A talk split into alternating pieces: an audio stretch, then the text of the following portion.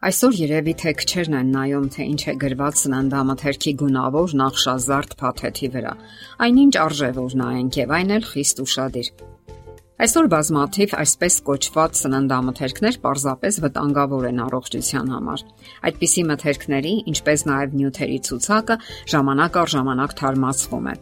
Ասենք որ այդպիսի սնունդ մեր papերը կամ տատերը չեն կերել երբևէ։ Այնինչ նրանք կերել են իրեն ժամանակին, այսօր անվանվում է օրգանական եւ այդպես էլ գրված է փաթեթների վրա։ Հուսանք, որ դա այդպես է գոնե։ Ահա թե ինչու հարկավոր է ուրախadir կարդալ թե ինչ է գրված փաթեթների վրա եւ չկան արդյոք որոշ նյութեր, ինչպիսիք են օրինակ գլյուտամատ նատրիում E621 Չի կարելի ուտել այն մթերքները, որոնց մեջ կա E326 գլուտամատ նատրիում սննդային հավելումը անպայման ուշադիր կարդացեք։ Չկա արդյոք այդ նյութը։ Սա համի ուժեղացուցիչ է։ Այսօր սա ավելացնում են նույնիսկ ամենաանսպասելի սննդամթերքների մեջ որpիսի բնակչությունը կախման մեջ լինի դրանցից։ Մի խոսքով ուրախadir եղեք։ Կան նյութեր, որոնք օգտագործում են որպես շաքարի փոխարինիչներ։ Բոլոր փոխարինիչները ուժեղ լեղամուղ ազդեցություն ունեն։ Այն մարդիկ, ովքեր հիմնախնդիրներ ունեն լեղապարկի հետ, այս նյութը օգտագործելուց հետո հիվանդության սրացումներ կունենան։ Այս նյութը պատահում է նաև գազավորված ըմպելիքներում, իսկ մարդիկ ուշադրություն չեն դարձնում, ինչի արդյունքում տուժում է այսպես կոչված տղամարդկային սիրտը, շագանակագեղձը։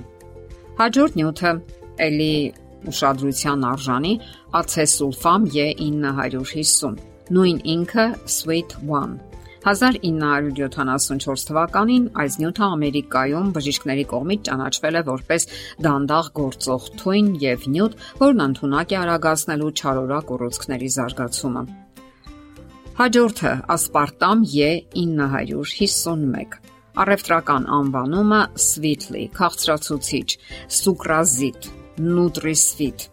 1985 թվականին հայտնաբերվել է ասպարտամի քիմիական անկայունությունը ըստ Ցելսիուսի մոտ 30 աստիճանում գազավորված ջրում այն քայքայվում է եւ վերածվում ֆորմալդեհիդի, մեթանոլի եւ ֆենիլալանինի իսկ ֆորմալդեհիդը A դասի քաղցկեղածին է։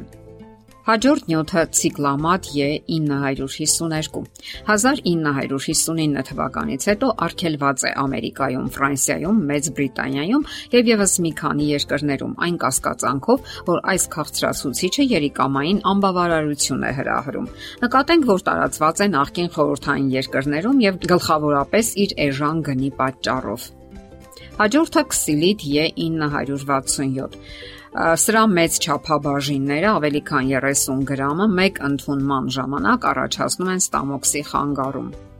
Մեծ չափաբաժինները ավելի քան 30 գրամ մեկ ընդունման ժամանակ առաջացնում է ստամոքսի խանգարումներ։ Հաջորդը, որ շատ-շատ տարածված է, տրանս ճաշպերն են։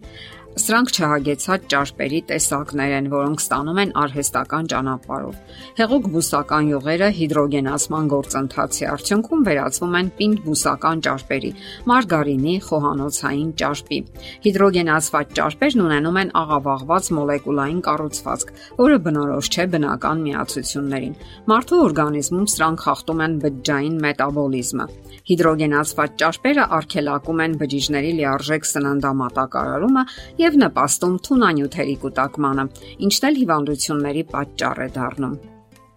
72.5%-անոց յուղերը երբեք չի կարելի ուտել։ Սրանք տրանս ճարպեր են, ցածր տեսակի բուսական յուղեր, տարալուծված ջրացնով։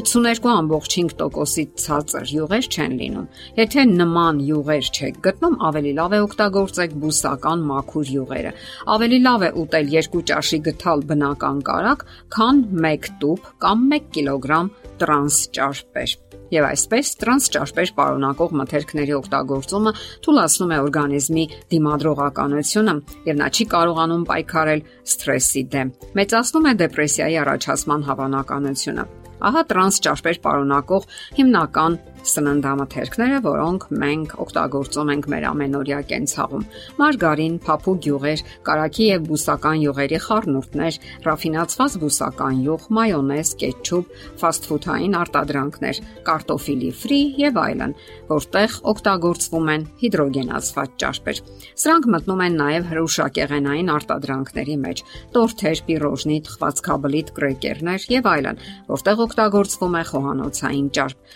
ինչպես նաեւ չիփսեր, պոպկորն եւ այլն, սառեցված կիսաֆաբրիկատներ։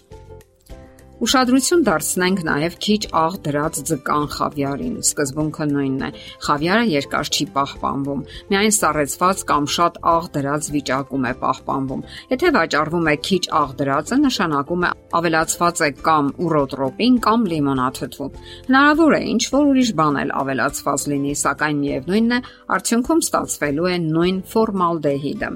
Մի քանի խոսք էլ գենային ինժեներիայի շնորհիվ ստացած մթերքների մասին։ Խեցգետնի ձողիկներ։ Սա խեցգետնային էսենցիան է խառնված սոյայի հետ։ Չնայած իր անվանը սա ընդհանրապես չի պարունակում խեցգետնի միս եւ 1993 թվականից սկսած արտադրողները իրավաբանորեն պարտավորվել են անվանել եւ նշել որպես արոմատիզացված խեցգետնի ձողիկներ։ Նմանատիպ մթերքների ցանկում են նաև կակաոն, արտասահմանյան կարտոֆիլը, պահածոյացված կանաչ ոլորը, պահածոյացված եգիպտացորենը, եգիպտացորենի ձողիկները եւ փաթիլները շաքարի հետ խառնված։ Չմոռանանք նաև ջեմերի, մարմելադների մասին։ Սրանք ոչ մի ընդհանուր բան չունեն նրանց հետ, որ արտադրվում էին խորհրդային միության տարիներին։ Այս քաղցր նյութերը հզոր հակաթթվեցուցիչները պարզապես քիմիական արդյունաբերության հրաշքներ են ընդհանրապես։ Այո, քիմիական արդյունաբերությունն այսօր հրաշքներ է գործում, սակայն արդյոք դա միշտ է օգտակար մեր առողջության համար։ Ուսումնասիրեք այն, ինչ ուտում եք դուք եւ ձեր երեխաները, ձեր հարազատները։ Զգոն եղեք եւ պահպանեք ձեր առողջությունը։ Եթերում առողջ ապրելակերպ հաղորդաշարն է։ Հարցերի եւ առաջարկությունների համար զանգահարել 033 87 87 87 հեռախոսահամարով։